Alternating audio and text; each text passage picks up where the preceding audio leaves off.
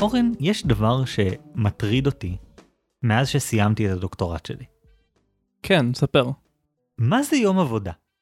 כלומר, מתי הוא מתחיל? מתי הוא נגמר? מה... מה? איך זה עובד? Uh, האמת, חגי, לפני שנה אני הרגשתי כאילו היו לי תשובות לשאלות האלה, אבל עכשיו, בשנה האחרונה, עבודה מול מנוחה ומשרד מול בית, כל, כל הגבולות האלה התמסמסו.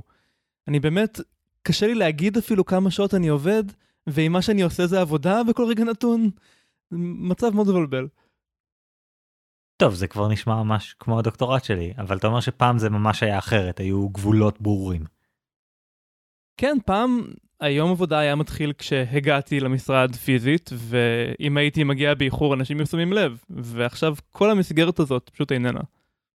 אוקיי, okay, אבל השאלה שקיבלנו השבוע ממאיה, שם בדוי, מתעסקת במשהו שמצד אחד הוא מאוד uh, נטוע בתקופה ההיא של פעם, של uh, טרום הקורונה, אבל מצד שני הוא מאוד רלוונטי להמון המון דילמות עבודה אחרות. אז uh, מאיה שואלת, האם כדאי או לא כדאי לספר לבוס בזמן רעיון עבודה על הריון סלש טיפולי פוריות, או לדחות זאת לזמן הכי מאוחר האפשרי. נכון שלכאורה החוק מגן, ואסור לפטר אישה בזמן הריון ו/או טיפולי פוריות, אבל דווקא בגלל זה, רבים לא מוכנים לשכור מלכתחילה עובדות כאלה, מוכשרות ככל שיהיו. אני עצמי בחרתי להסתיר את העובדה הזאת, ורק לאחר כשלושה חודשים במקום העבודה, בחרתי לשתף את הבוסית. נקרא לה שלומית. בפשר ההיעדרויות המסתוריות שלי בבקרים לבדיקות רפואיות. כמובן שהשלמתי שעות. היא מאוד התרעמה עליי, ואמרה שהייתי צריכה להגיד את זה בריאיון. לדבריה, היא שכרה אותי בזכות קורות החיים המרשימים שלי, ולו ידעה, ייתכן שהייתה נוהגת אחרת. היא אמרה שעכשיו שהיא יודעת, היא תימנע מלתת לי פרויקטים מסוימים שתכננה, ותשבץ אותי באחרים, ומבחינתה נהגתי בחוסר יושר. עם זאת, לו הייתי כנה, ייתכן שלא הייתה נותנת לעצמה הזדמנות בכלל לראות את הכישרונות והיכולות שלי, והייתה רואה אותי רק דרך הפריזמה המסוימת הזאת. יותר מזה, ראיתי כבר איך מפטרים אישה ברגע שסיפרה על גילוי הריון במקום העבודה הקודם שלי. היתרון הברור לטובת כנות בנושא, הוא שברגע שמספרים, ההתנהלות יותר נוחה, ואפשר לדרוש את כל הזכויות שמגיעות לאישה במצבי. יש משהו קצת אירוני להעלות את השאלה הזו לשני גברים, אבל סביר להניח שהיא רלוונטית ל-50% מהקהל. טוב, בתור התחלה, שלומית היא פושעת. פושעת בפוטנציה. בעצם מאיה הצילה אותה מלעבור עבירה חוקית בזה שהיא לא סיפרה לה על טיפולי הפוריות, כי אם היא אכן הייתה עושה את מה שהיא אומרת שהיא הייתה עושה במצב הזה, זו הייתה עבירה על החוק. כן, אפילו אסור לשאול על הריון בראיון עבודה, ואסור לשאול מתוך ידיעה שאם המעסיק יודע את זה, אז זה ישפיע על תהליך קבלת ההחלטות שלו, וגם אם הוא ימצא סיבה אחרת ללמה הוא לא שוכר מישהי שמתכננת להיכנס להיריון, אז זה ישפיע וכנראה שזה בסופו של דבר אפילו יכריע לגבי ההחלטה. אז בעצם כן, מאיה הצילה את שלומית פה, אבל חשוב להגיד, אם שלומית הייתה אומרת, אה, את רוצה להיכנס להיריון? לא משנה, אז כן, עבירה על החוק, לא, לא מצב אפור. וגם במובן רחב יותר, שלומית היא לא בסדר כאן, שלומית היא הבן אדם הרע בסיפור. ומבחינה, נקרא לזה מוסרית, למאיה יש את כל הצדקה בעולם לעשות מה שהיא צריכה לעשות כדי להגן על עצמה מהרוע של שלומית. אז אנחנו 100% בצד של מאיה כאן. כן, אז חשוב להגיד, אנחנו לא מייעצים כאן מה נכון לעשות, ובטח שלא נכנסים לכל העולם של אה, דיני עבודה ודברים כאלה, אבל אנחנו מתייחסים למציאות שבה יש אנשים בעייתיים, כמו שלומית, אנשים שיגיבו רע לאמירה אני בהיריון, אני עושה טיפולי פוריות, או כל מיני דברים אחרים כאלה שמשפיעים. כלומר, גם גברים יכולים ללכת לטיפול רפואי שלוש פעמים בשבוע, וזה מצב שבעייתי לפטר עליו, אם אתה משלים את השעות וכן הלאה. אז יש כל מיני דברים כאלה שאנחנו מספרים לבוס, ויכול לגרום לבוס להגיד עד כאן, לא מתאים לי. אז יש פה איזה שהם חיכוכים. עכשיו יש מקרים שיש הגנה חוקית, יש מקרים שאין הגנה חוקית, אבל זה דבר ש... שקורה לא מעט. אז בהינתן שיש אנשים כאלה, בהינתן שיש את הדינמיקה הזאת מול מנהלים, מול בוסים, אז מה הטקטיקה הנכונה ביותר שאפשר להשתמש בה כדי לצאת מהדבר הזה כמה שיותר חלק, כדי uh, להחליק את הקצוות מהדבר המורכב הזה. כן, באיזשהו מקום, אה, זה שיש סוד שלא סיפרת למנהלת שלך, זה כאילו את חייבת לה איזשהו חוב. וזה מוביל למודל שלי, שזה שלספר סוד למנהלת זה כמו יחס חוב תוצר. אהה, אהה, אני, אני רואה לאן אתה חותר פה. אני גם, אה, יש איזה משהו שאני חולק עם התחושה שזה כמו חוב, אבל, אבל אני חושב על חוב מסוג אחר. ולדעתי, לספר סוד למנהלת זה כמו אומנות מודרנית. כי האמן המודרני נכנס לחובות נוראים כי אין כסף באומנות? לא, לא, בוא, בוא, אני אסביר.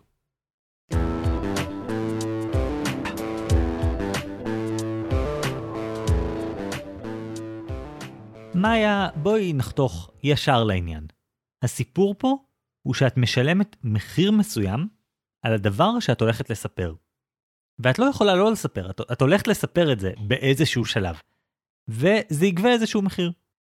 והאתגר שאת מתמודדת איתו פה, הוא אתגר שהרבה אנשים מתמודדים איתו בהקשרים שונים.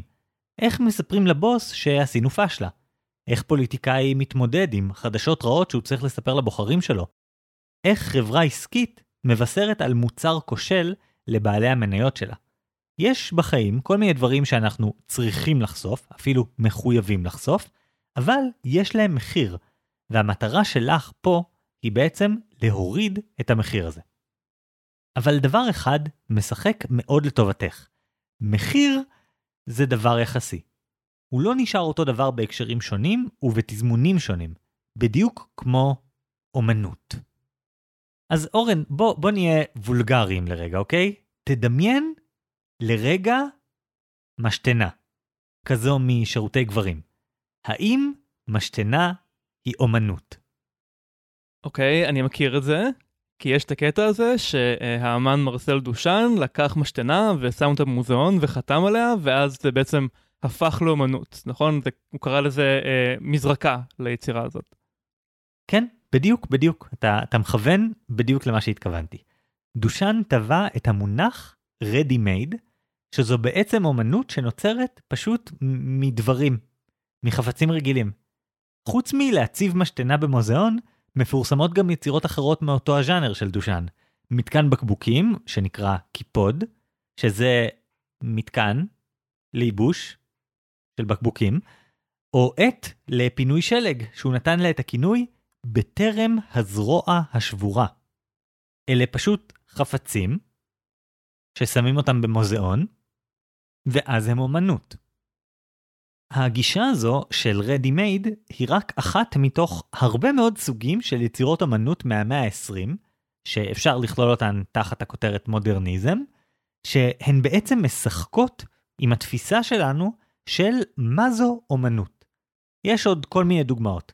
למשל, יש את השיר המפורסם של ג'ון קייג', 433, שהוא פשוט 4 דקות ו-33 שניות של שקט.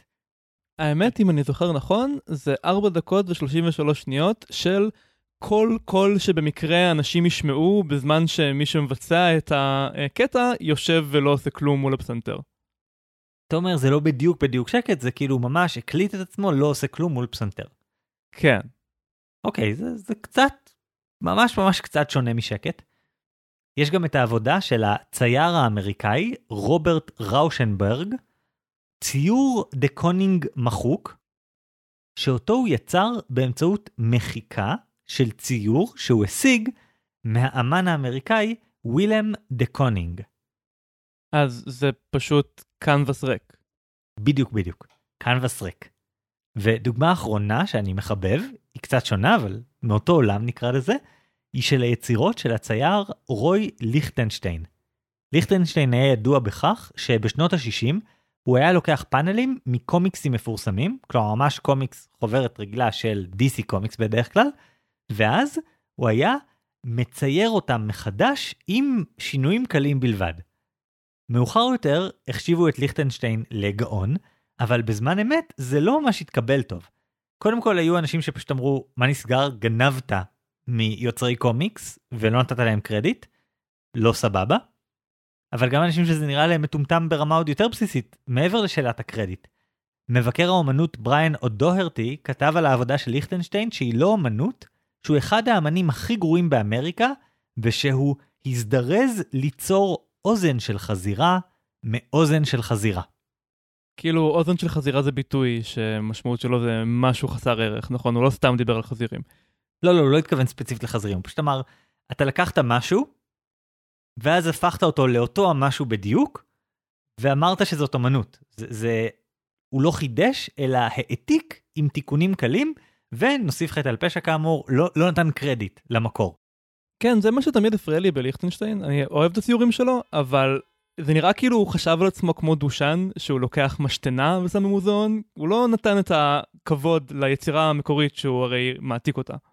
נכון, בדיוק. יש פה איזה משהו ש- שאתה שואל את עצמך, האם זאת אמנות? בשנים האחרונות היה את הקטע הזה עם הבן אדם שמסגר בננה על קיר, נכון? אני לא מכיר את הפרטים, אבל היה קטע כזה? אני, אני לא מדמיין. הוא אפילו לא מסגר, הוא לקח בננה והדביק אותה לקיר עם טייפ. ובעצם מישהו קנה את זה ב-120 אלף דולר, אבל צריך להחליף את הבננה כל יומיים כי היא נרכבת. אז מה הוא קנה? הוא קנה uh, תעודת אותנטיות שהבננה שלו היא הבננה הרשמית של האמן. גם כשהוא מחליף אותה. כן, ואנשים באו לראות את הבננה הזאת בגלל שהיא הבננה הרשמית, אז באמת כאילו, מה מיוחד בבננה שהוחלפה אתמול לעומת בננות אחרות? אוקיי, אז, אז אנחנו עכשיו מתחילים להידרדר למקום הזה שבו אתה מתחיל לדבר על אמנות מודרנית ושואל את עצמך מה הכל מדובר בבולשיט פשוט אתה שם בננה על קיר וזה האמנות שלך. אז אז לא אני אני לא חושב ש, שזה הסיפור כי כן יש בזה איזשהו ערך עכשיו אני אני אעזור להסביר מה הערך שכן יש בזה. בעצם אם אנחנו מסתכלים על המאה ה-20 זאת מאה ש, שבה באמנות באופן כללי התחלנו לשאול את השאלה מה זו בעצם אמנות. במידה רבה זאת הייתה המטרה של הרבה מהאנשים האלה. הם יצאו נגד הקונספט המוכר של אומנות. אומנות לא צריכה להיות דבר אה, מדויק או ריאליסטי או כל מיני דברים כאלה, היא יכולה להיות כל מיני דברים. והם העלו שאלות על בעצם מה הופך אומנות לאומנות. דושן בעצמו אמר במפורש שמבחינתו, המעשה היצירתי לא מבוצע על ידי האמן לבדו, הצופה מביא את העבודה במגע עם העולם החיצוני, באמצעות פענוח ופירוש של תכונותיה הפנימיות, ובכך מוסיף את תרומתו שלו למעשה היצירתי. כלומר, דרך אחת להבין את הפרשנות הזאת היא שדברים הופכים לאומנות כאשר אנחנו כצופים מתייחסים אליהם כאומנות. דרך אחרת להבין את זה היא שבעצם לשים דברים במוזיאון הופך אותם לאומנות. או אולי שכל דבר שהאמן עושה, גם כשהוא די דבילי, הוא אמנות. יש, יש כל מיני דרכים להסתכל על זה, אבל תחשוב שנייה על מה שעשה רוי ליכטנשטיין. כאילו נעזוב שנייה את עניין הקרדיט וכן הלאה, אבל מה קורה? אתה רואה את, ה, את השוט הזה בתוך קומיקס, ויכול להיות שהוא נורא נורא חזק, אבל הוא נמצא בתוך הקשר כזה של קומיקס, נכון? אבל מה קורה אם אתה שם אותו במוזיאון, ועכשיו אתה אומר לאנשים, רגע, תסתכלו על זה. פתאום אתה מתחיל לראות דברים. או תחשוב על זה שהמשתנה, זה דבר שאתה אף פעם לא תסתכל על העיצוב שלו, אתה, אתה לא תנסה להבין מה הוא משמש, מה התפקיד שלו, מה הוא אומר, כל מיני דברים כאלה. אבל אם פתאום אתה שם אותו במוזיאון, אנשים יסתכלו עליו אחרת, המשמעות תשתנה. אני באמת רואה בזה איזשהו ערך.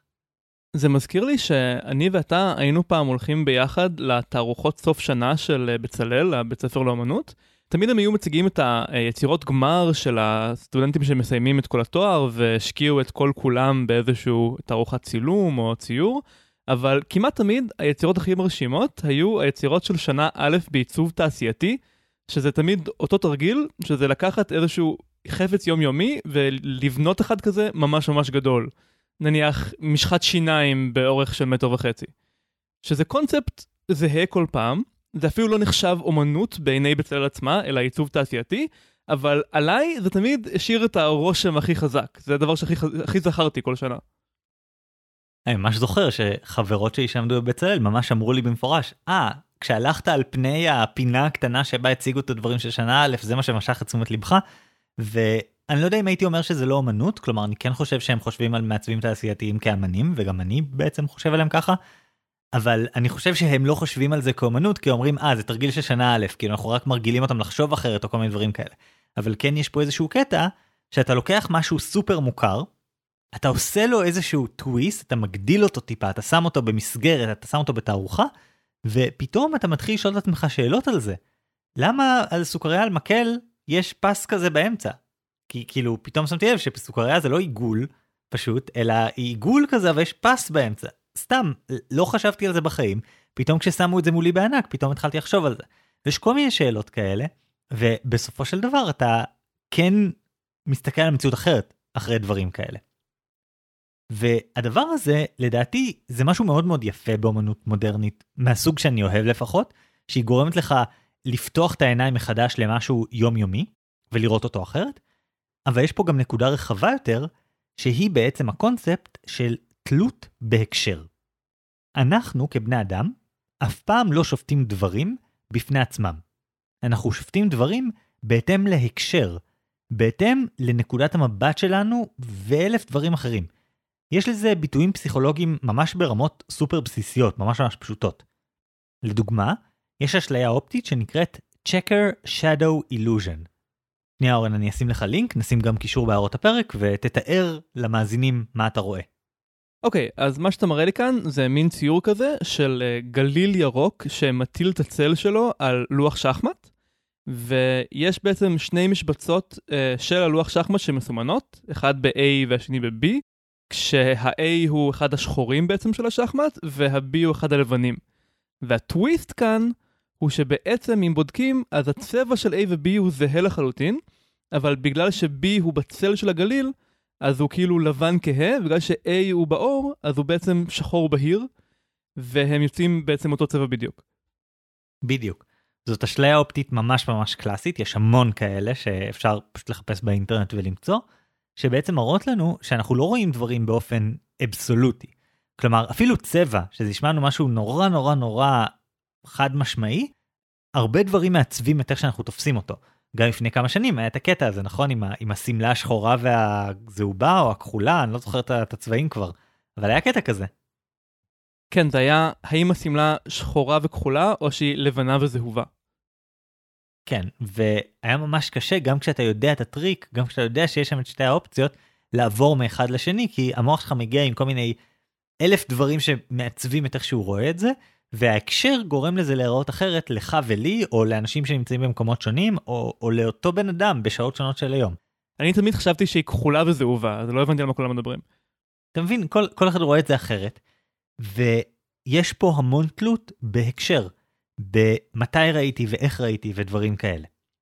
ובעצם הפואנטה של כל מה שאני אומר פה, זה שהתפיסה שלנו, של המציאות, מאוד מאוד תלויה בהקשר. אז מה היה? בואי, בואי נדבר על תכלס.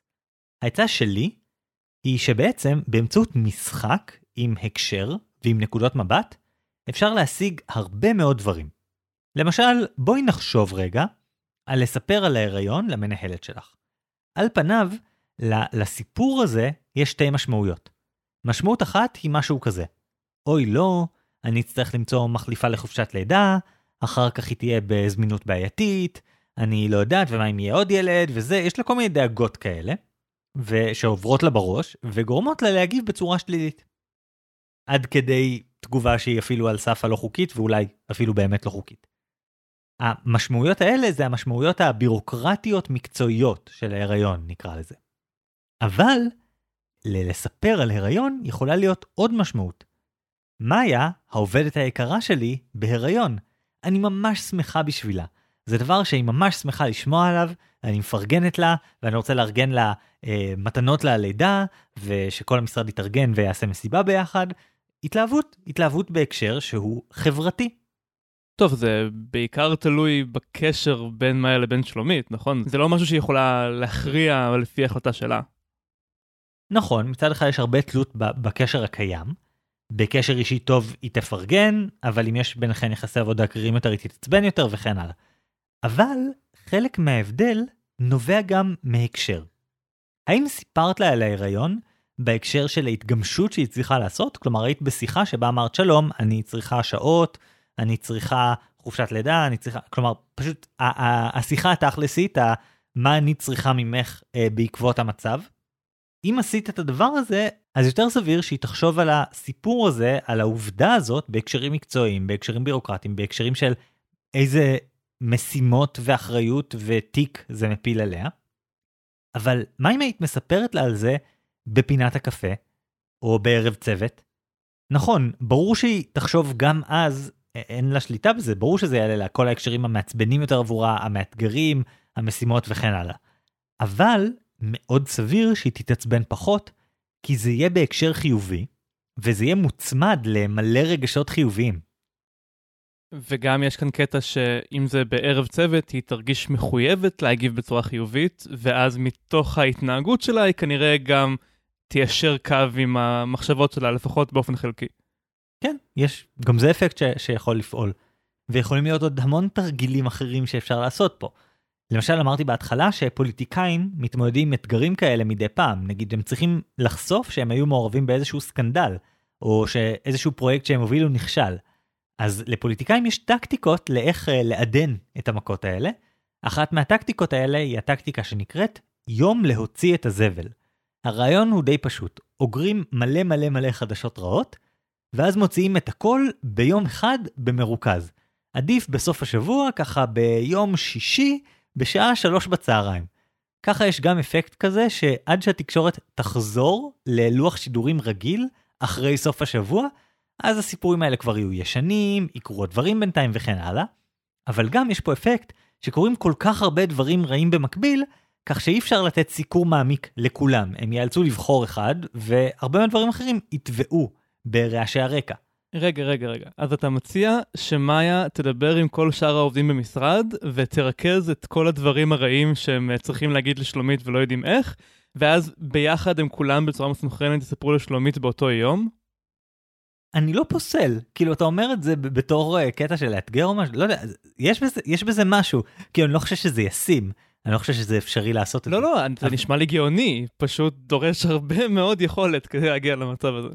אז כן, אני, אני לגמרי חושב שזה, שזה, אם זה היה אפשרי, זו הייתה דרך אפשרית לעשות את זה, אבל אפשר גם לחשוב על דרך פחות uh, בעייתית לעשות את זה, כי אני מנחש שלמאיה אין עכשיו 20 דברים שליליים לספר ביחד, אז דרך אחרת ש, שעובדת, uh, הוכח מחקרית נקרא לזה, היא להצמיד את המידע השלילי למידע חיובי שהוא יותר משמעותי.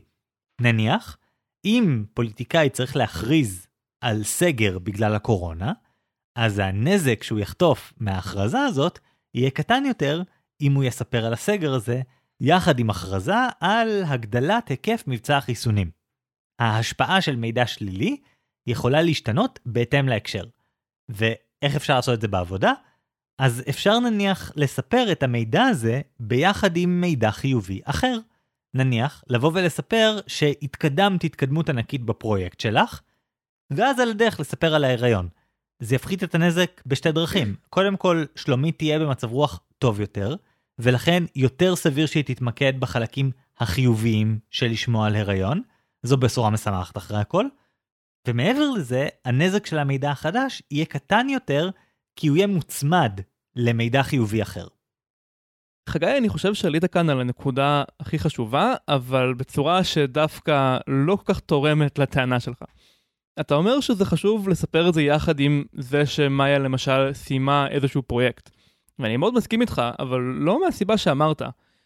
אתה דיברת על המצב רוח שלה, אבל אני חושב שבן אדם בוגר שמנהל אנשים אחרים לא מקבל החלטות רק לפי המצב רוח.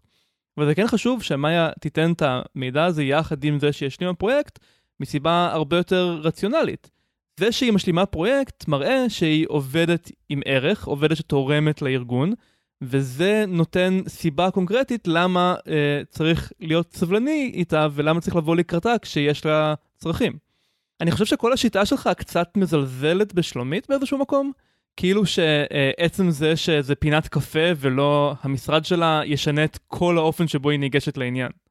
למה מזלזלת? כלומר, אם אני אגיד לך שבהקשר מסוים המשבצת האפורה תראה לך שחורה ובהקשר אחר המשבצת האפורה תראה לך לבנה, זה אומר שאני מזלזל בחושים שלך? לא, אני, אני פשוט מספר לך שהם עובדים אחרת, שהם מושפעים מהקשר. זה, זה לא זלזול. כן, אבל זה נשמע כאילו אתה חושב שזה כל מה שיקבע. אם היה לי ממש חשוב לעבודה שלי לדעת איזה משבצת יותר כהה, ה-A או ה-B האלה, אז הייתי בודק. התגובה המיידית שלי הייתה, אה, ברור ש-A יותר כהה, אה, לפי אותה אשליה שדיברנו עליה, אבל אם זה חשוב מספיק, אז הייתי הולך ומודד את זה עם איזשהו כלי ומגלה את האמת. יכול להיות שזה היה מעכב את ההבנה שלי, אבל זה לא הגורם המכריע. ועוד שכאן אתה חושב ששלומית מונעת מתוך הרשמים הראשוניים האלה. אורן, תגיד, אתה אוהב סניקרס? אכלתי אחד היום, אז כן. אוקיי, אתה, אתה זוכר את הפרסומות של סניקרס? כנראה שלא. אוקיי, יש את הפרסומות של סניקרס שהן בעצם, אה, אה, אתה לא עצמך כשאתה רעב, שמישהו כזה הופך למפלצת או לשד או משהו כשאומרים לו משהו. אז כאילו, כבני אדם אנחנו יודעים שאם מספרים לנו משהו כשאנחנו עצבניים, או כשאנחנו עייפים נגיד לא ישנו טוב או דברים כאלה, אז אנחנו נגיב באופן שהוא לא בדיוק האופן שהיינו מגיבים בו אם היינו שומעים את המידע הזה במצב רוח יותר טוב. זה אותו מידע, בדיוק אותו מידע, אבל כשאנחנו עצבניים, אז הוא מגיע אחרת. ונכון שאם ניקח, נחזור למשל של המשבצות, אם היינו מכניסים את זה לפוטושופ ובודקים את הערך RGB המדויק של כל אחד מהצבעים ואז רואים שזה בדיוק אותו דבר, אז היינו ממש רואים שזה אותו צבע, אנחנו מסוגלים לעשות את התהליך הזה. אבל אם אנחנו רעבים ועצבניים או משהו כזה, אנחנו לא נעשה את זה. ואם מאיה מספרת לשלומית שהיא בהיריון בדקה לפני שהיא יוצאת, צריכה לצאת לחופשת לידה, או משהו כזה, ממש ברגע האחרון האפשרי, ושלומית עכשיו תקועה עם כזה, אוי לא, מה הולך לעשות? והיא רק חושבת על זה שאין שום סיכוי שהיא תמצא עובדת מתאימה לתקופה של החופשת לידה, כי מאיה הודיעה לה ברגע האחרון, אז זה לא יעזור, כל שאר הדברים. כאילו, זה לא משנה, המידע ייצור הרבה יותר נזק בגלל שהעלויות לשלומית הן הרבה יותר גבוהות. אז זו הטענה שלי, שיש פה משמעות מאוד גדולה להקשר. אה, לכן מצד אחד אני גם חושב על לאו דווקא לדחות את זה לרגע האחרון האפשרי, אלא לנסות לשים את זה ברגע שבו אנחנו מעריכים שהנזק יהיה הכי קטן. בגלל שזה בהקשר חיובי, בגלל שהמנהלת במצב רוח טוב, בגלל שיש לנו קשר אישי טוב, בגלל שבדיוק השגתי הישג בפרויקט, כל אחד מהדברים האלה, זו דרך בסופו של דבר להוריד את גודל הנזק. שמע, חגי, אני לא מתווכח עם מה שאתה אומר, שאפשר להשפיע על כמות הנזק שתעשה, ושזה תלוי הקשר, אבל אני חושב שאתה מסתכל על ההקשר הלא נכון. יש כאן הקשר הרבה יותר רלוונטי והרבה יותר גדול, שזה ההקשר של כל העבודה שמאיה עשתה עד עכשיו וכל הקריירה שלה גם כלפי העתיד. וכאן אני חושב שמאיה תוכל להשפיע דווקא על ידי עיצוב ההקשר, ולא על ידי uh, להכניס את הנזק לתוך uh, קופסה מקרית כזו או אחרת. אני חושב שאני עומד uh, עדיין מאחורי העצה שלי למאיה, אני מחכה לשמוע איך uh, היא מספרת לנו האם uh, זה עבד לה או לא, היא או מאזינות אחרות, אבל נראה לי שאתה כבר חותר למודל שלך, אז הגיע הזמן, לך על זה.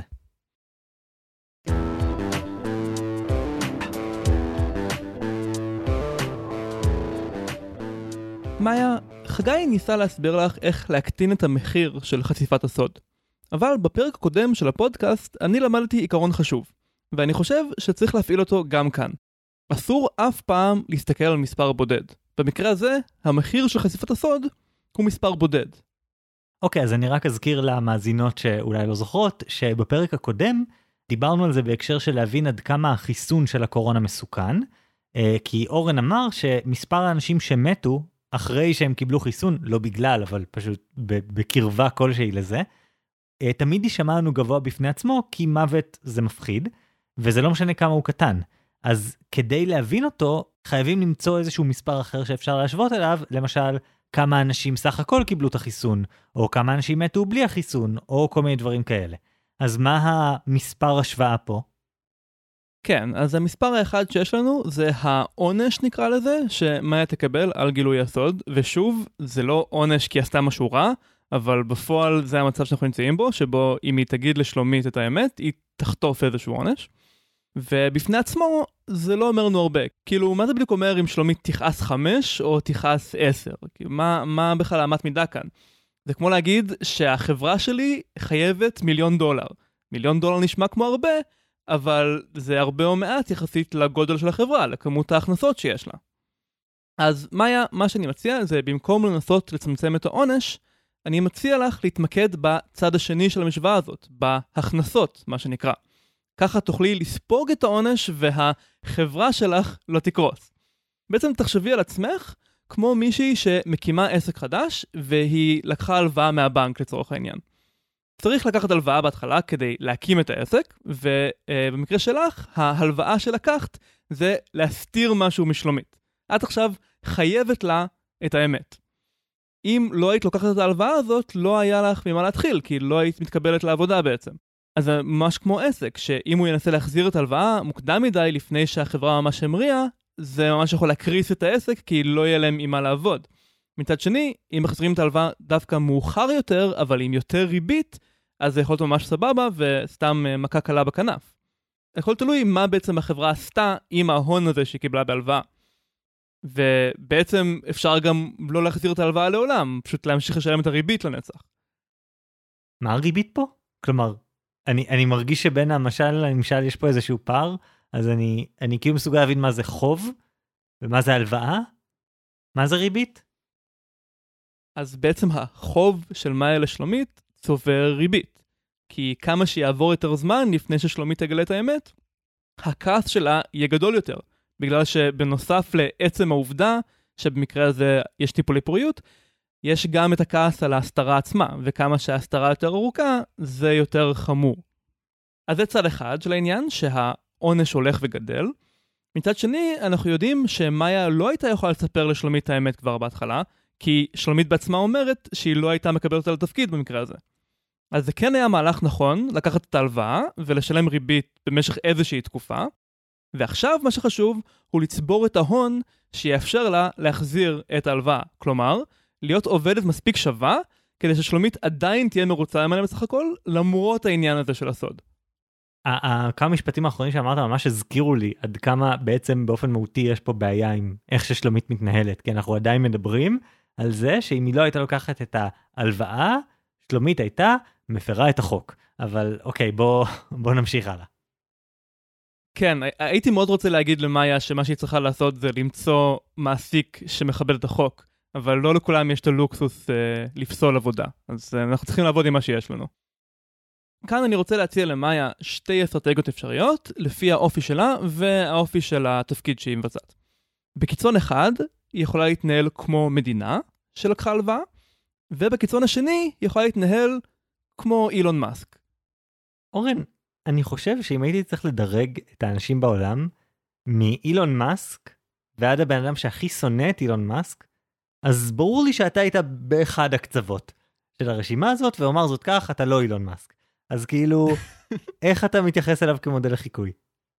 זה נכון, אני לא סובל את אילון מאסק, הבן אדם שקרן פתולוגי ומכחיש קורונה, ובאופן כללי זקוק נואשות לכאפה, אבל דבר אחד שאילון מאסק יודע לעשות, זה לשכנע אנשים לתת לו את הכסף שלהם לאורך הרבה מאוד זמן. הרי ככה בדיוק הוא נהיה האדם השני הכי עשיר בעולם, לפחות על הנייר. כולם ממש רוצים את המניות של טסלה, של החברה שלו. כלומר, הם רוצים לתת לאילון מאסק את הכסף שלהם, ומאמינים שהוא יום אחד בעתיד יחזיר להם יותר כסף. אז אילון מאסק הוא מקצוען בתחום הזה של ה... לא בדיוק הלוואה, אבל של לקחת מאנשים כסף ולהחזיר להם עם ריבית. או לפחות שהם יחשבו שזה מה שיקרה. אבל בכל מקרה, אני אמרתי שמתחילים עם הצד השני, של uh, מדינות. אז השיטה של המדינות זה מה שהייתי מציע למאיה, אם היא מחשיבה את עצמה בחורה סולידית שמוכנה לעבוד קשה, אבל היא לא מנסה להיות סופרסטאר כמו אילון מאסק כביכול. מה שרוב מדינות עושות לגבי החובות שלהן, זה פשוט לא להחזיר אותן. כלומר, ליתר דיוק מה שקורה זה שהן כל פעם לוקחות הלוואות חדשות, ואז עם הכסף הזה מחזירות את ההלוואות הקודמות שלהן, אבל סך הכסף שהמדינה חייבת בדרך כלל רק הולך וגדל עם הזמן. וזה לא סתם כי אה, הן מרשות לעצמן לעשות מה שבראש שלהן, יש מאחורי זה היגיון. התיאוריה כאן היא משהו כזה. המדינה תיקח הלוואה, תשקיע אותו בפיתוח של תשתיות, או באופן כללי היא תהפוך את המדינה למקום טוב יותר לעשות עסקים, ואז הכלכלה תצמח, ואז עם הכלכלה החזקה יותר, יהיה קל להחזיר את החוב, וזה יותר מיפצה על הריבית, ולכן זה דבר שטוב לעשות אותו בעצם כל הזמן, אין סיבה להפסיק אף פעם. וזה באמת יכול לעבוד, כל עוד המדינה אכן ממשיכה לצמוח, וכל עוד ההחזרי ריבית האלה לא משתלטים לגמרי על התקציב של המדינה. בעצם עוקבים אחרי זה עם uh, המדד שנקרא יחס חוב תוצר. כלומר, סכום כל הכסף שהמדינה חייבת, לחלק לתוצר הלאומי, שזה בעצם סכום כל הכסף שאזרחי המדינה מרוויחים על ידי אה, להציע שירותים ולייצר מוצרים. שזה בדרך כלל הדבר שידברו עליו בתקשורת בתור הכלכלה, כשאומרים הכלכלה גדלה, הכלכלה קטנה, אז בתכלס הם לא מדברים על איזה משהו ארטילאי, כלומר משהו פחות ארטילאי, שנקרא תוצר מקומי גולמי, שזה פשוט סכום בדולרים בדרך כלל, שאומר כמה סך כל הסחורות והשירותים שיוצרו בשטח מסוים בשנה. בדרך כלל בשנה. כן, והסיבה שזה רלוונטי כאן זה כי זה הבסיס הכלכלי שממנו המדינה לוקחת מיסים, ומהמיסים האלה היא מחזירה את הריבית על החוב. ובעצם כל עוד זה לא יוצא משליטה, למשל בישראל זה היה לפני הקורונה סביב ה-60%, שזה נחשב די סבבה, בהכללה גסה. כל עוד זה לא יוצא משליטה, אז המנגנון הזה עובד. אנחנו לוקחים את הכסף מהלוואות, מגדילים את הכלכלה, אה, מחזירים את הריבית עם הרווחים שלנו אפשר להגיד, ואין צורך אף פעם להקטין את זה חזרה לאפס, כי בעצם כולם מנצחים כאן. יש גם טיעונים על זה שבעצם זה שהמדינה מייצרת אפיק השקעה סולידי מה שנקרא כמו אה, איגרות חוב ממשלתיות אז היא נותנת איזשהו בסיס יציב לאנשים להשקיע את הכסף שלהם ויש ממש מקרים אה, נראה לי שאובמה דיבר על זה לפני איזה 8-9 שנים בארצות הברית שבמידה רבה האזרחים בארצות הברית כמעט משלמים למדינה כסף כדי שהיא תחזיק את הכסף שלהם כאילו הריבית יכולה להיות אפילו שלילית. כן, יש uh, הרבה מאוד ויכוחים בין כלכלנים תיאורטיקנים לגבי עד כמה זה נכון ומה היחס החוב תוצר הכי גבוה שהוא עדיין מוצדק. יש את הקינזיאנים שמאמינים בהרבה חוב תוצר ויש אחרים שמתנגדים, אבל לא ניכנס לכל זה.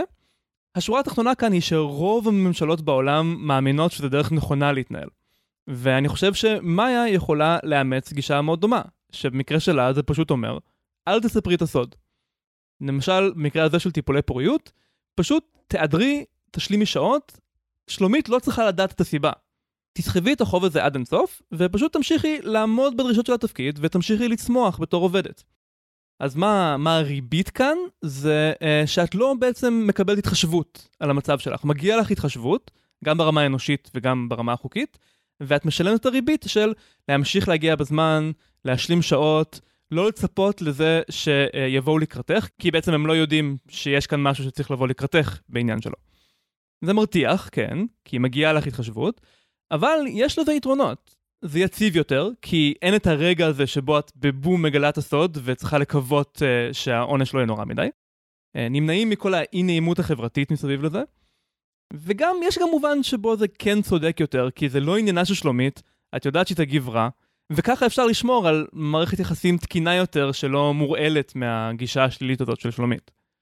כאילו אני מבין מה אתה אומר וזה יכול לעבוד במקרים כאלה כמו אה, טיפולי פוריות או טיפולים רפואיים אחרים או כל מיני אה, לא יודע היעדרות אה, להוציא את הילדים מהגן או כל מיני דברים כאלה שבהם כאילו לא צריך שהמנהלת תדע בדיוק למה את יוצאת או מה הפרטים כל עוד את משלימה ועושה את העבודה ואת עושה את מה שמצופה ממך סבבה קיבלתי.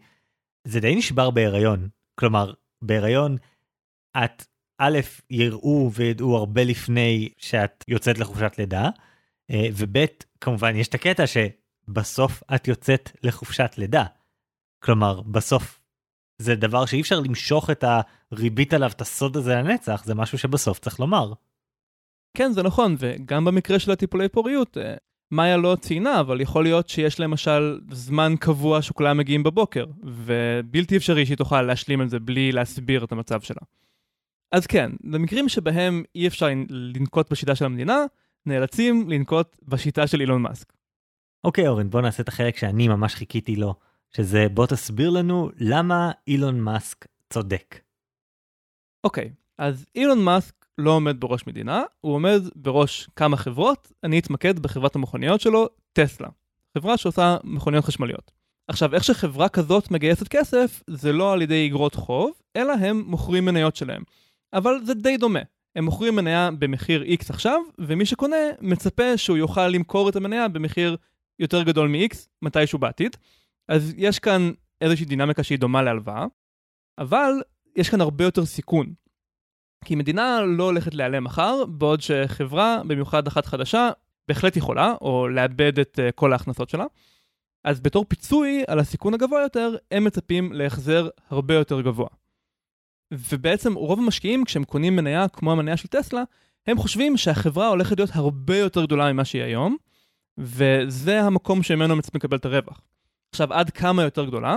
גם כאן יש מדד. אם במדינות יש את היחס חוב תוצר, שבודק כמה החוב הלאומי הוא בריא נקרא לזה, אז לחברות המדד הזה נקרא מכפיל רווח, או באנגלית price to earnings ratio, יחס מחיר לרווח. וזה מציין כמה אופטימיים המשקיעים בעצם, או כמה אופטימי צריך להיות כדי לחשוב שהמניה שווה קנייה. וזה פשוט אומר, מה המחיר של החברה, כלומר המחיר למניה כפול כמות המניות, מה המחיר של החברה חלקי ההכנסות שלה. אז למשל, אה, בשביל חברות רכב אחרות, אה, זה נע סביב ה-10 עד 30. למשל, בשביל טויוטה זה איפשהו סביב ה-13. מה זה אומר? זה אומר שאם היית יכול לקנות את כל טויוטה במחיר של המניה בעצם, אז היית צריך לחכות 13 שנה כדי שהחברה תכניס מספיק כסף כדי להחזיר לך על הכסף שהוצאת כדי לקנות את החברה. שזה נחשב יחסית סולידי. אמ, בעצם כמה שהמספר הזה גבוה יותר, זה אומר שצריך להיות יותר אופטימי לגבי העתיד של החברה כדי שזה יישמע לך כמו דיל טוב. במקרה של טסלה, הערכות נעות בין אה, 150 ל-1500, תלוי איך בדיוק מודדים. אה, אז בקיצון זה אומר שאתה תקנה מניה של טסלה, ואם היא תמשיך להרוויח את מה שהיא מרוויחה היום, ייקח 1,500 שנה עד שתקבל חזרה את הכסף שהוצאת. איך דבר כזה יכול להיות? זה הכל חוזר לאיש הזה, אילון מאסק, וזה שהוא מסוגל למכור חלומות לאנשים. וזה בדיוק ההבדל בין חברה כמו טסלה לבין מדינה. עם מדינה, אתה יכול להיות מאוד בטוח מה אתה הולך לקבל. יהיה לה 3% צמיחה, 5% צמיחה, סביב זה. ובגלל שזה ארגון גדול ומאוד יציב, עם מלא ידיים על ההגה, אז אין פה הרבה אי ודאות. במקרה של טסלה, אתה קונה את המניה כי אתה מאמין שאילון מאסק הוא גאון בקנה מידה היסטורי, ושהחברה הזאת עוד כמה שנים תהיה הדבר הכי חשוב בעולם, תעשה מהפכה, וכולם ירצו את המכוניות שלה, ומה שהיא היום לא אומר כלום לגבי מה שהיא תהיה בעתיד. אתה קונה כאן חלום. אני חושב שזה בדיוק ההבדל בין הערכות הגבוהות והנמוכות של ה-PE ratio הזה בעצם. כלומר, הערכות הגבוהות זה מי שלא מאמינים לאילון מאסק, אז הם אומרים, אה, 1,300, והערכות הנמוכות זה אלה שכן מאמינים, אומרים, אה, 130. הבדל של פי 10. כן, חלק מהעניין זה אם אתה אה, לוקח את ההכנסות האמיתיות של טסלה בשנה החולפת, או אם אתה לוקח את התחזית שטסלה עצמה נותנת לגבי השנה הבאה. אבל כמובן שהחזון האמיתי הוא לגבי 10-20 שנה קדימה, כשהתוכנית האב של מאסק אה, תבוא לפריון, והטסלה תהיה חברת רכב היחידה בעולם או משהו כזה. אוקיי, okay, אז מה, מאיה אמורה למכור שקרים לאנשים? כאילו מה, מה ההשראה? מה זה? כאילו, לא כולם הם מילון מאסק ויכולים פשוט לשקר במצח נחושה, זה, זה לא עובד ככה. כן, לא כל אחד הוא אילון מאסק, אבל אם uh, מאיה מאמינה שיש לה את היכולת הזאת של השיווק העצמי, אז היא גם יכולה לנפח איזה מניה של עצמה ולארגן לעצמה מכפיל רווח מאוד גדול, בשיטות דומות. ויש כמה דרכים לעשות את זה. למשל, משהו שאילון מאסק עושה, זה הוא נותן חזון 20 שנה קדימה, שנותן ככה סיבה רציונלית לחשוב שהחברה באמת תהיה הרבה יותר גדולה. במקרה של טסלה, הרעיון הוא שהם בנו רכב אחד נורא נורא נורא יקר, דומה לפרארי, ואז עם הכסף שמקבלים מזה, הם יבנו רכב די יקר ברמה של BMW, אבל ימכרו הרבה יותר ממנו, ואז עם הרווח מזה, הם יבנו רכב זול בשביל המסות, ואז ימכרו המון ממנו, וככה תגיע המהפכה. זה התוכנית האסטרטגית uh, של טסלה. שזו תוכנית שנשמעת מאוד משכנעת אני מניח, וזה מוביל בדיוק למקום הזה שבו אם אתה מאמין לזה שעוד רגע יש את המכונית uh, הפורד הרגילה הזמינה לכל נפש, אז כן, אז החברה הולכת uh, להתפוצץ במכירות של השנה הבאה, כי אלה הבדלים של סדרי גודל במכירות אפילו. כן, בדיוק. ואני חושב שאת זה מאיה יכולה ממש לאמץ. כלומר, לא רק לעשות עבודה טובה בהווה, אלא לתת נרטיב, נרטיב זה מילה של חגי, אבל אני מאמץ אותה כאן, לתת נרטיב לגבי איך זה הולך להיות מתורגם להרבה יותר תפוקה בעתיד. אז למשל, היא יכולה אה, ביוזמתה לבוא לשלומית ולהציג תוכנית פיתוח. להגיד ממש בהתחלה של התפקיד, הנה מה שאני לומדת, והנה איך שאני אמנף את זה, וממש אעזור לך להשיג את המטרות שלך בתור המנהלת של הצוות. עוד דבר שמאוד נפוץ בסטארט-אפים זה לקחת מוצר שהוא ממש בשלבים התחלתיים, אבל לגרום לו לראות ממש טוב, ממש לשייף את התצוגה שלו. אז מה שמה יכולה לעשות זה אם היא עושה איזשהו פרויקט התחלתי, אפילו רק פרויקט לצורכי לימוד, אז לעשות לו הצגה ממש יפה, עם מצגת מושקעת, אה, לתת איזה חזון עסקי לגבי איך הרעיון הזה הוא הרבה יותר ממה שהוא נראה, להציג את זה אולי לבכירים בחברה, אם זה רלוונטי, לגרום לזה לראות סקסי, נקרא לזה. ואז um, בהמשך לכך, שלומית תסתכל עליה ותגיד, וואי, מאיה הזאת יכולה להוציא לפועל דברים גדולים. גם אם בינתיים זה בעיקר פוטנציאל. ואתה אומר את הדבר הזה, מה היה צריכה לעשות, כאילו ממש כשהיא נכנסת לתפקיד חדש. כלומר, כל בן אדם צריך, כשהוא נכנס לתפקיד, פשוט למצוא את הדרך להגדיל את ערך המניה. מהר. לעשות משהו על ההתחלה שמקפיץ את כל הערך, ואז אה, נותן לו כרית גדולה להתמודד עם טעויות, עם כישלונות, עם פשלות, עם כל מיני דברים כאלה. אני לא יודע אם הייתי מציע את זה לכל אחד, כי זה עבודה קשה. גם ככה להתחיל עבודה זה קשה, ואני לגמרי לא אאשים אף אחד שיגיד, אוקיי, אני חדש, אז אני אהנה מחמת הספק שנותנים לי, ואני אקח את הזמן ללמוד דברים, ולא ישר אנסה להיות סופרסטאר. זה מה שאני עשיתי. אני לא ניסיתי על ההתחלה להוכיח שאני משהו מיוחד. אני חושב אבל שאם, כמו מאיה, אתה מגיע למקום חדש ואתה סוחב איתך איזושהי בעייתיות מראש, או אם חשוב לך שיהיה את הכרית הזאת, אם אתה נניח לא סומך למנהלים שלך לתת לך קרדיט כשצריך, אז זו שיטה אחת להתמודד. אוקיי, okay, אני מבין, זה נגיד במקרים שבהם, אה, מקרה שאני ממש זוכר ששמעתי עליו, מישהו שרוצה לקחת חופשה, אה, אבל נכנס עכשיו למקום עבודה חדש, אז הוא יודע לא לבקש את החופשה מיד, אלא קודם לעשות איזשהו הישג, להשיג איזשהו משהו, ולמרות שמותר לו חוקית, כלומר יש לו מעוגנת הזכות שלו לימי חופש וכן הלאה, אבל הוא נזהר עם הדבר הזה עד לשלב שהוא השיג איזה משהו, ואין איזושהי תחושה של זה ברח לנו לפני שהוא החזיר את הכסף שלו אפילו פעם אחת. אז אתה יודע, אני, אני מסכים איתך, זה משהו שאני אישית אה, חושב עליו די הרבה, כלומר זה, זה תואם את תפיסת העולם שלי, אבל הרבה מאוד אנשים יגידו על דבר כזה, שזה קצת אה, ציני, הייתי אומר.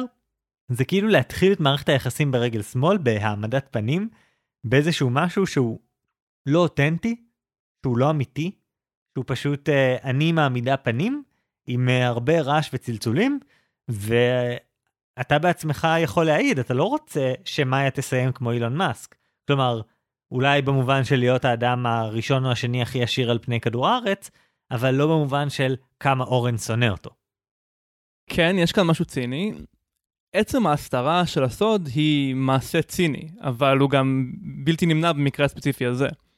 אבל אני חושב שאת הניפוח של מניה אפשר לעשות גם בדרכים קצת פחות מניפולטיביות. למשל, דרך אחת מאוד פשוטה היא פשוט להיות בולטת, לדבר בפגישות. אם שואלים אותך משהו, אז שתהיה לך דעה חזקה. זה דבר שמנהלים מאוד מעריכים בניסיון שלי, והרבה פעמים עובדים חדשים מפחדים להגיע למקום הזה, וזה ישר מסמן אותך בתור מישהי שמגיעה עם הרבה אה, להציע. או עוד שיטה, עוד פחות מניפולטיבית, זה פשוט לקחת על עצמך איזושהי משימה שאף אחד לא רוצה לקחת. אה, לקחת איזושהי נישה, להיות אה, אחראית בטיחות אפילו, משהו ברמה הזאת. כלומר, כשהמנהלת חושבת על הצוות, היא צריכה לחשוב עלייך בתור חלק קריטי של הצוות שבלעדיו הצוות לא עובד. ולפעמים יש הזדמנויות לעשות את זה עם דברים שיחסית לא לוקחים הרבה זמן, והם סתם כאילו מציקים. זה דרך יחסית פשוטה ומאוד לא מניפולטיבית, אפילו להפך, לנפח את המניה. אתה מציע דברים שבמידה רבה אני דווקא כן חושב שכל אחד צריך לנסות לעשות אותם, אבל זה לא תמיד אפשרי. יש הרבה תפקידים שאתה נכנס אליהם ויש עכשיו אה, שכר לימוד, כלומר הרבה זמן שאתה צריך ללמוד, פשוט ללמוד איך עושים דברים. יש תפקידים שבהם אתה נורא עמוס בהתחלה, יש תפקידים שאין לך את המשאבים עכשיו לעשות משהו שיראה כמו הישג. תלוי באיזה סביבה ארגונית אתה נמצא, יש סביבות שבהן יידרש הרבה מאוד כדי לעשות רושם, ויש סביבות שבהן יהיה נורא קל לעשות רושם. אני מרגיש שבאיזשהו מקום זה מאוד תלוי בתפקיד. יש הרבה מקומות שיהיה נורא קשה לעשות בהם את מה שאתה מציע, וחבל. אני חושב שבסופו של דבר, התשובה שאנחנו נותנים למאיה צריכה להתייחס גם למצבים שבהם ערך המניה עדיין לא גבוה. למקרים היותר קשים, והייתי אומר היותר מציאותיים ויותר נפוצים, שבהם ערך המניה בתחילת הזמן שלנו במקום עבודה הוא מוגבל, ולכן אנחנו עכשיו צריכים נורא נורא להיזהר ולמצוא את הדרך לא לעשות יותר מדי רעש, לא לדרוך על יותר מדי אצבעות של אנשים, אלא להיות זהיר ולא להוריד את ערך השוק של עצמנו לפני שהוא עלה באופן טבעי. לא תמיד יש לנו את האפשרות לנפח באופן מלאכותי. אני לא רוצה ליצור כאן את הרושם שחייבים להיות אילון מאסק כדי שלא יפטרו אותך. אני חושב שאפילו בלי לעשות כלום, בעצם זה שמאיה עושה את העבודה שלה, היא כבר שווה המון למעסיק שלה, ולא יפטרו אותה על כל דבר. ואגב, גם כולם נופלים לפעמים, כן? אף אחד הוא לא העובד הסביר שאין לו אף בעיה ספציפית, והוא כל יום מגיע בדיוק בזמן, והוא עומד בכל הדרישות. לכולן יש איזושהי דפיקות, ואני חושב שרוב המנהלים, גם אלה שמוכנים לעבור על החוק, מכירים בזה. אז אני, אני ממש לא רוצה uh, ליצור רושם כאילו חייבים להיות סופרסטאר, ואחרת אבוד לך. אבל אני כן חושב, גם אם אתה לא מגיע ל-PE ratio של 1500, כמו שאילון מאסק מגיע, אתה יכול להגיע לטיפה יותר ממה שהיה קורה בטבעיות, להעלות את זה מ-2 ל-4 לצורך העניין. או, אם זה אפשרי, במקרים שבהם זה אפשרי, אז יש גם את הכיוון השני, של להיות כמו מדינה, ופשוט להצניע את הדברים האלה שהם בעייתיים, אם אתה לא סומך המנהל שלך שיתחשב, ופשוט לנסות להביא כמה שיותר מעצמך, וזה כנראה יהיה מספיק טוב. כי שוב, גם לכל שאר העובדים יש את הדברים שלהם, שסביר מאוד שאתה אפילו לא שם לב אליהם. בקיצור, מאיה, את צריכה לבחור את הנתיב שלך בתוך שדה המוקשים הזה. זה לא הוגן שהפילו עלייך את התיק הזה, אבל אני חושב שיש לך כאן די הרבה אופציות טובות, שמתוכן את יכולה לבחור לפי הטעם והיכולות שלך.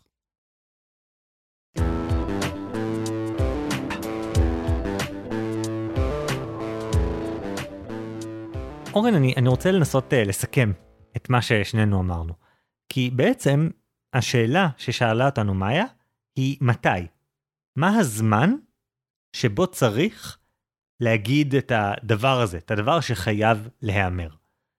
אני בעצם אמרתי, הזמן הנכון הוא הזמן שבו, בגלל ההקשר, הדבר שצריך להיאמר יעשה את המינימום נזק.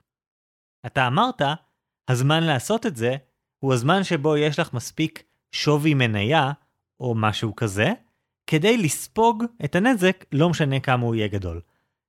כן, נשמע די מדויק. אז אני מסכים איתך עם הגישה של העלאת השווי. אני חושב שזה משהו שכל אחד מאיתנו צריך לעשות וצריך להתעסק בו, ואני ממש לא חושב שזה קשור להאם וכמה יש דברים שאני צריך לומר לבוס שלי שיגרמו לו לראות אותי באופן שלילי יותר. זה באמת לא החלק הקריטי. מצד שני, אני חושב שהדרך שלי, שמתמקדת בלמצוא את התזמון המושלם להגיד דברים, זה כישרון עוד יותר משמעותי, שהוא יותר רלוונטי לשאלה הספציפית של איך אנחנו מתמודדים עם פיסת מידע שהיא נפיצה, שהיא מסוכנת באיזשהו אופן. והדרך הנכונה להתמודד עם פיסת מידע כזאת, זה לפוצץ אותה פיצוץ מבוקר ככה במקום מתאים, בהקשר הנכון שיצמצם את הנזק. אהבתי את המודל בונוס שהבאת כאן, שלספר סוד זה כמו להיות חבלן. בכל מקרה, אני מאוד מסכים איתך שהקשר זה חשוב, ושאותה פיסת מידע יכולה להצטייר מאוד אחרת בנסיבות שונות.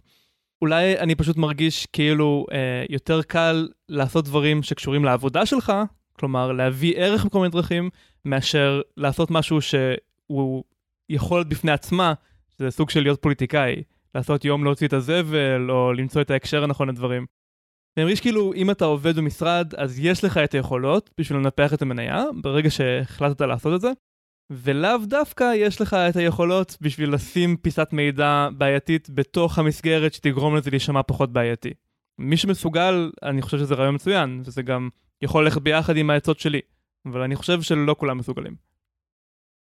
בכל מקרה, מי שצריכים להחליט, אלה אתם. יומיים אחרי יציאת הפרק, נעלה סקר ריאקשנס לעמוד הפייסבוק שלנו, שבו תוכלו להכריע מי צודק יותר. אורן ומודל החוב תוצר, או חגי והאומנות המודרנית. כרגיל, אנחנו מזכירים לכם גם לעשות לייק לעמוד הפייסבוק שלנו, לספר לחברים ומכרים ומשפחה שעשויים להתעניין, וגם להשאיר דירוג באייטיונס, זה ממש ממש עוזר, זה מקפיץ אותנו בטבלאות, וגורם ליותר אנשים להאזין. כן, וכמובן שאנחנו תמיד שמחים לקבל מכם שאלות שעליהן נוכל לענות בפרקים הבאים. אז זהו להפעם, אני אורן ברנשטיין. אני חגי אלקיים שלם. ונתראה בפעם הבאה עם השוואות חדשות.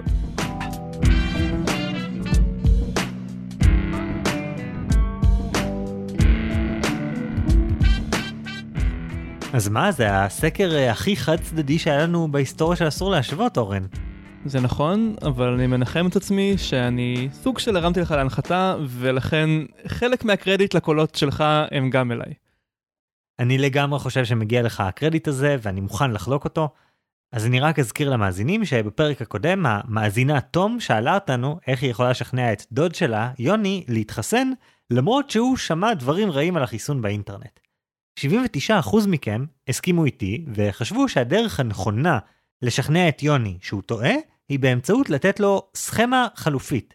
לתת איזושהי חלופה קונקרטית, משהו יותר מפחיד מהחיסון, שבאמצעותו יוני יקבל פרופורציות, בדיוק כמו שכדי שהצבעת אי אמון תצליח, צריכים מה לעשות להציע ממשלה חלופית.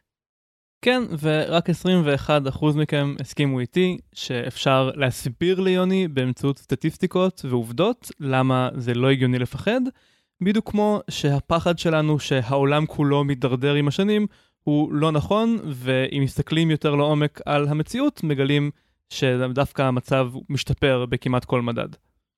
אז אני רק אגיד שבזמן שעבר מאז שהקלנו את הפרק ועד שאנחנו מקליטים את הפרק הזה, אני מצא את עצמי בדיוק בסיטואציה של תום. כלומר, בן דוד שלי העלה סטטוס לפייסבוק, האם להתחסן או לא, הוא בן אדם שיש לו קצת נגיעות עם uh, כל התיאוריות קונספירציה והתנגדות חיסונים. נגיעות, הוא לא מתנגד חיסונים, אבל הוא מסתובב במעגלים הרלוונטיים, uh, וממש השתמשתי בשני הכלים ביחד. מצאתי שמצד אחד באמת הדבר הנכון הוא להפחיד אנשים מהאלטרנטיבה, מהמחלה וכן הלאה, ולספר להם על כמה מדהים ייראה העולם אחרי שהם יתחסנו. מצד שני, אני חושב שהמושג שאורן נתן בפרק, המיקרומורט, או מיליונית מוות, היה כלי כל כך חזק בארסנל. פשוט להגיד לאנשים, אוקיי, חיסון זה מסוכן בערך כמו לחיות יום רגיל, קורונה מסוכנת פי 20 אלף מזה. זה עבד. גם הוא וגם בן דוד אחר, שניהם לא רק שקבעו תור להתחסן, אלא גם התייאשו מלכתוב פוסטים נגד החיסון בפייסבוק. אתה נותן תקווה לכולנו. וכמובן שזה גם משמעותי שהם בני דודים שלך, אז זה אומר שהם היו מוכנים להקשיב לך יותר. כן, אז אני באמת מרגיש שאורן צודק בזה שהוא אה, הרים לי להנחתה, אז אה, אני מוכן אה, כאמור לחלוק את הקרדיט. חוץ מזה, אה, דוד כתב לנו בפייסבוק שכל פרק אני אומר שהפעם היו לנו מלא תגובות מעניינות, והוא תמיד מחכה לרגע שאני אומר את זה, כי זה מצחיק אותו. אז uh, דוד, הפעם היו לנו מלא תגובות מעניינות בפייסבוק, היה דיון ממש מרתק. כן, אז uh, נתחיל עם התגובה של שחר, שכתב לנו, אין ספק שיש להתמקד בשינוי הנרטיב, העניין הוא ששינוי הנרטיב הזה לא יכול להתחיל רק עכשיו, הוא צריך להתחיל הרבה קודם לכן, בחינוך למדע וחשיבה ביקורתית. לא בהכרח ללמוד על עובדות יבשות, או על ביולוגיה, אלא על איך בודקים דברים באופן אמפירי, איך עובד ניסוי מדעי, איך להבין ממצאים ממש בסיסיים, ואיך לזהות פייק ניוז. כך לדוגמה, כשמתפרסמת כתבה על מישהו שסובל מתופעות לוואי בגלל החיסון, הקונספירטורים ממהרים לקום ולהרים קול צעקה. בשלב זה לזרוק עובדות עלול פחות לעזור.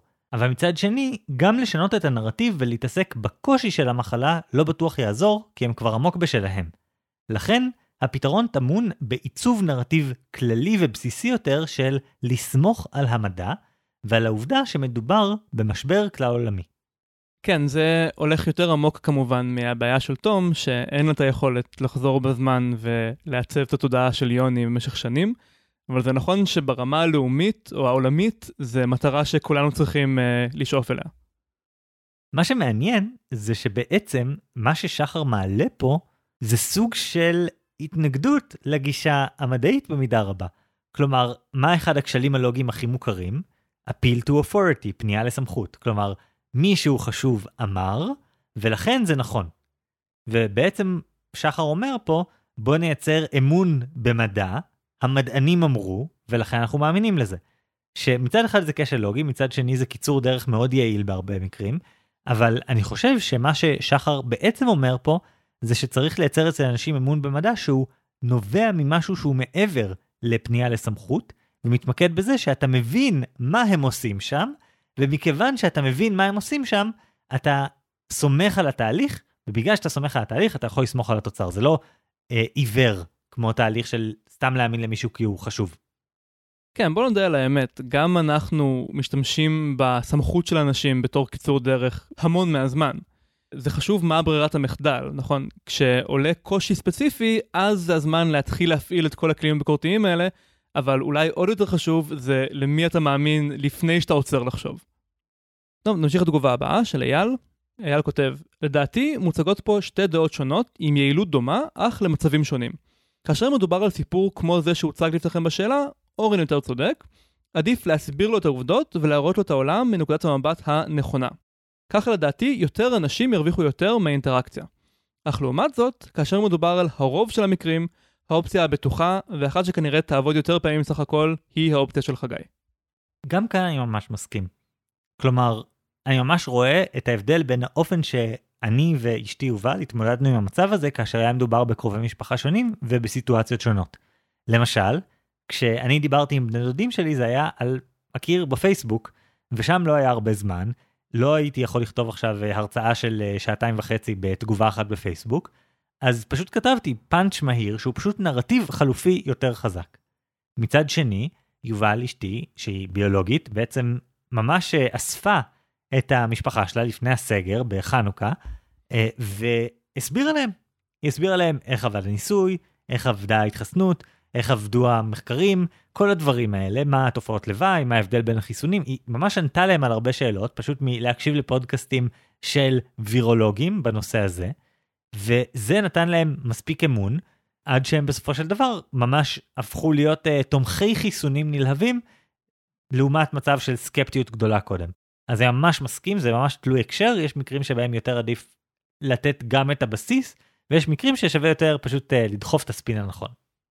כן, אני כנראה סוג של דמיינתי את uh, תום נועלת את יוני בחדר, ופשוט uh, מרצה לו בלי הפסקה עד שהוא נשבר, וכמובן שאין תמיד את האופציה הזאת. התגובה הבאה היא של שיר, שאומר, אני עם אורן. למי שחושש ספציפית מהחיסון נגד קורונה, אפשר להסביר בצורה מושכלת את אופן הפעולה של החיסון. להסביר כיצד הוא פותח מהר יותר מחיסונים רגילים וכן הלאה, ואז סיכוי טוב שהוא ישתכנע. לעומת זאת, לגבי קונספירטורים, שום דבר לא יעזור, גם לא טיעוני הפחדה לגבי הסכנה מהמחלה עצמה. שהרי גם בזה הם לא מאמינים, ובטוחים שהממשלות משחקות במספרים. זה מאוד מפתה לחשוב שכל הקונספירטורים הם מגה קונספירטורים, אבל אני לא חושב שזה מדויק. יש מלא אנשים בתחום האפור, אולי אפילו רוב האנשים.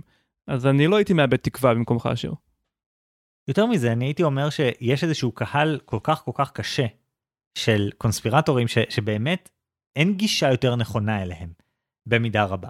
אני חושב שדווקא מה שאייל אמר הוא במידה רבה יותר מדויק. בסוף השאלה היא ההקשר, השאלה היא באיזה סביבה אתה אומר את זה, באיזה סיטואציה, כלומר, האם יש לך עכשיו זמן להסביר, אין לך, זה באירוע משפחתי, זה על הקיר בפייסבוק, זה בסמסים, כל אחד מהדברים האלה יוביל לתגובה אחרת לגמרי, ואני באמת מציע להתאים את זה לזה, אה, לאו דווקא לרמת הטרללת של האדם שמולכם. ותגובה אחרונה להפעם מניב, אורן צריך להגיד לאנשים את העובדות. חגי צריך להגיד לאנשים שהמחלה יותר מסוכנת מהחיסון. העובדות, המחלה יותר מסוכנת מהחיסון. ובכל זאת כולם שונאים שמסברים להם איך הם טועים, אז הלכתי עם חגי. כן, נכון, אבל אני חושב שאנחנו מדברים על סוג שונה של עובדות. כלומר, יש שאלה אם אתה אינגייג' uh, באופן ישיר עם החששות. אין חשש מזה שהמחלה יותר מסוכנת מהחיסון, יש חשש מזה שהחיסון מסוכן. אה, ויש אולי אנשים שיכולים לדמיין, כן, יש לי דרך להתמודד עם המחלה, אבל אין לי דרך להתמודד עם החיסון, או דברים כאלה. כן, זה יותר עניין של סגנון ודגש. זה נכון שהעובדה היא שהמחלה יותר מסוכנת מהחיסון, אבל השאלה היא אם אתה עכשיו פותח גרפים ומנסה להבין דברים, או שאתה מעודד רגש אחד שיילחם ברגש השני. וכאמור, אני חושב שהגישה פה היא פשוט להתאים למצבים השונים, ולמצוא את הדרך הנכונה לכל תרחיש ולכל הקשר בנפרד. שזה מתחבר גם למה שאמרנו בפרק הזה בעצם. כן, ובנימה הזאת בוא נעבור לספרים שקראנו. Uh, חגי, מה אתה קראת הפעם? אוקיי, okay, אז ניסיתי קצת להיכנס לתחום של לקרוא על אומנות מודרנית ודברים כאלה, וזו הייתה חוויה לא, לא מספקת ו- ואין לי משהו להמליץ משם. אני ראיתי סרטוני יוטיוב, קראתי מאמרים, כל מיני כאלה. Uh, לא מצאתי משהו ש... עשה לי איזשהו סדר שאני יכול להגיד, כן, לכו על זה. אבל היה ספר אחד שקראתי די מזמן בשלב הזה, שבעצם שם את כל הנושא של אמנות מודרנית באיזשהו הקשר. וההקשר הזה הוא הקשר של המאה ה-20 באופן כללי יותר, ומה קרה בה. אה, לספר קוראים Stranger than we can imagine, Making sense of the 20th century של ג'ון היגס. אני המלצתי על ספר של ג'ון היגס במצעד ספרי השנה שלנו בפייסבוק. ובעצם מה שג'ון היגס עושה זה הוא עובר על כל מיני דברים שהתחדשו והשתנו במאה ה-20, ומזה מנסה לספר איזשהו סיפור גדול יותר על מה קרה למין האנושי, לתרבות האנושית, במאה ה-20. וזה ספר קצת אה, וואו כזה, ספר שהוא נורא אה, עם רעיונות גדולים ומורכבים, ו- וכאילו כשהכרתי את ג'ון היגס זה היה בפודקאסט של עזרא קליין, שעזרא קליין ממש אמר בהתחלה, זה אחד הפרקים הכי טובים להקשיב להם כשאתה מסטול, כי, כי זה ה vibe של האיש באופן כללי.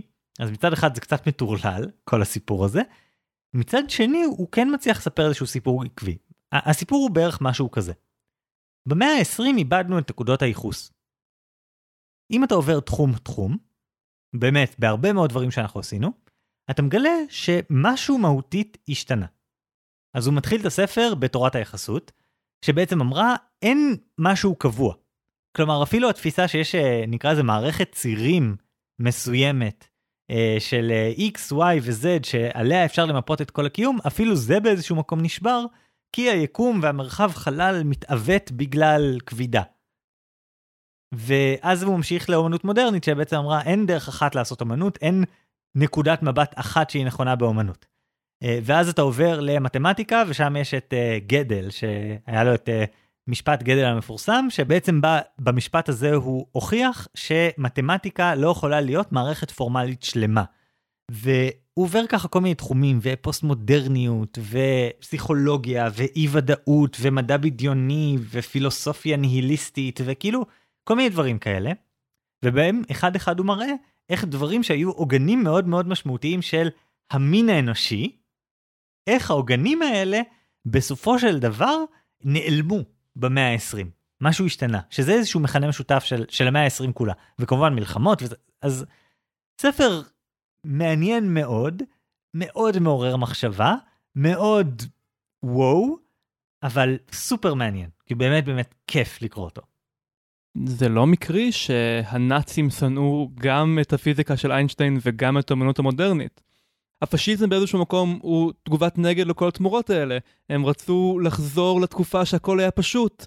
זה גם אומר כאילו שהגזע שלהם היה בשליטה וכל השאר היו נחותים כמובן, אבל זה גם אומר שלא הייתה אומנות שהתגרה תפיסת עולם שלהם, ושהיקום מתנהל לפי חוקים שהתאימו להם אינטואיטיבית, זה הכל חלק מאותו דבר. אני ארסן את עצמי לא להשוות לטראמפ וכל מה שקורה בימינו, אבל הדברים האלה שזורים, אני מסכים איתך מאוד. זה, זה מעניין לראות את המגמות האלה המשותפות. אני לא יודע עד כמה הם השפיעו אחד על השני, או שהם כולם נבעו מאיזשהו מקור משותף, אבל באמת זו הייתה אה, מאה של הרס של העולם הישן באיזשהו מקום. אני נוטה לחשוב שזה הכל מגיע ביחד מתוך המהפכה התעשייתית, אבל זה כבר ממש ספקולטיבי. נראה לי שהוא מתייחס גם לזה בספר, אבל אה, עברה שנה ואני לא זוכר את כל הטיעונים.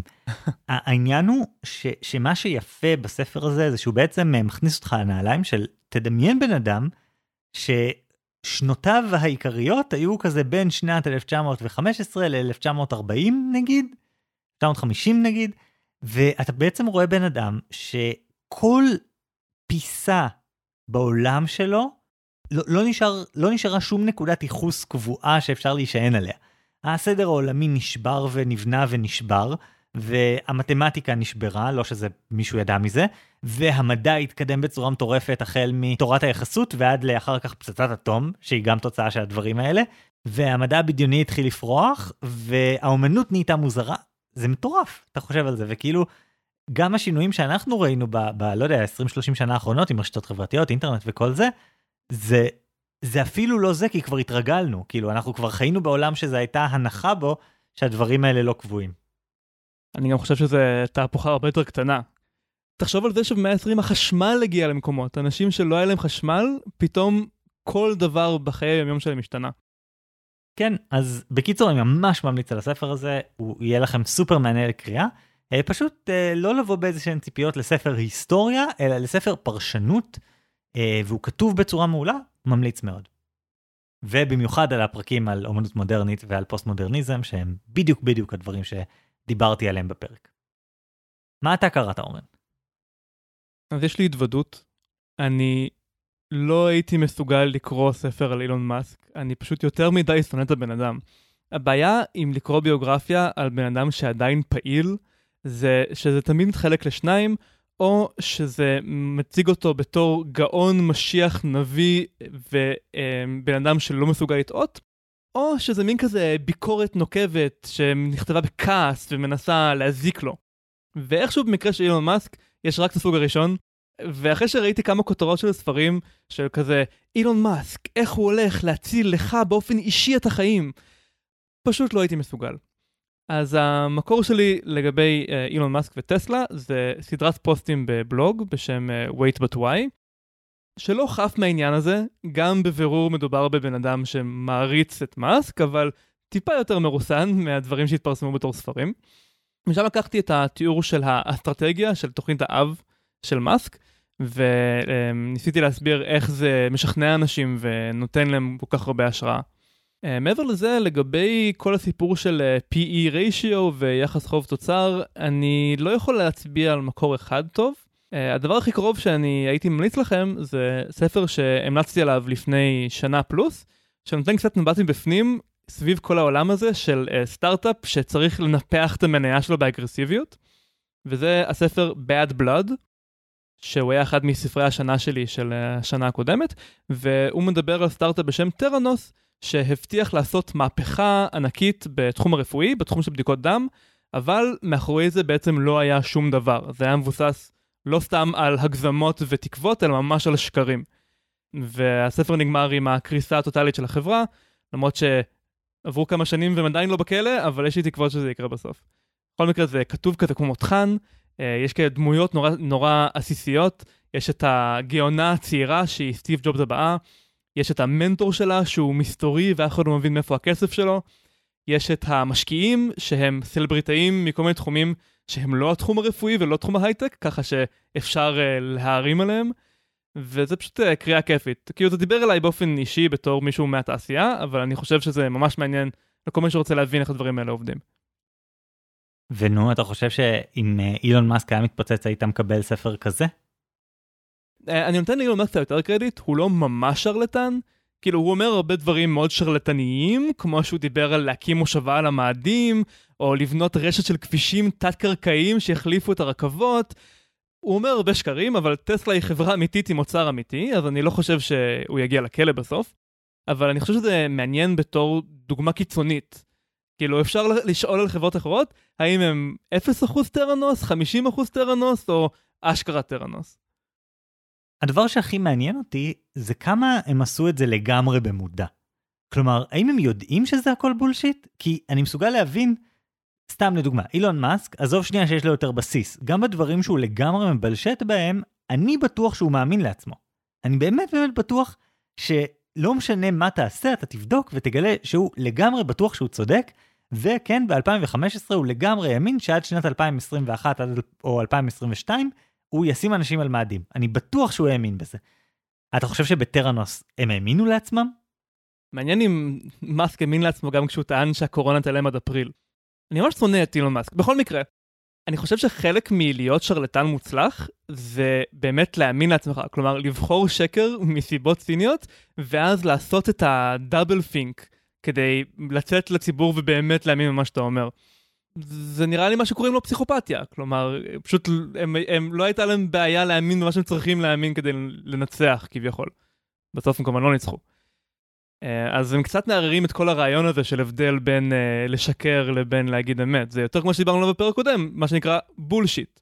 כלומר, אתה אומר משהו ואכפת לך רק איך זה משכנע אחרים. לא אכפת לך אם יש לזה קשר למציאות או לא. זה לא משהו שאתה תוהה עליו אפילו. וכל זה גורם לך לחשוב כמה חברות שעשו בדיוק את אותו הדבר, פשוט הצליחו. כלומר שיקרו שיקרו שיקרו ואז בסוף הצליחו לעשות את מה שהם שיקרו לגביו כל הזמן או שיקרו ואז מצאו אפיק אחר לעשות ממנו כסף או כל מיני כאלה. כאילו אתה מקבל את הסיפור הזה שמתפוצץ והשאלה שלך היא אוקיי זה קצה הקרחון כמה גדול הקרחון. כן, לגמרי, אני שואל את עצמי את זה ממש מאז שקראתי את זה. טוב, וזהו להפעם. אני אורן ברנשטיין. אני חגי אלקיים שלם. ביי.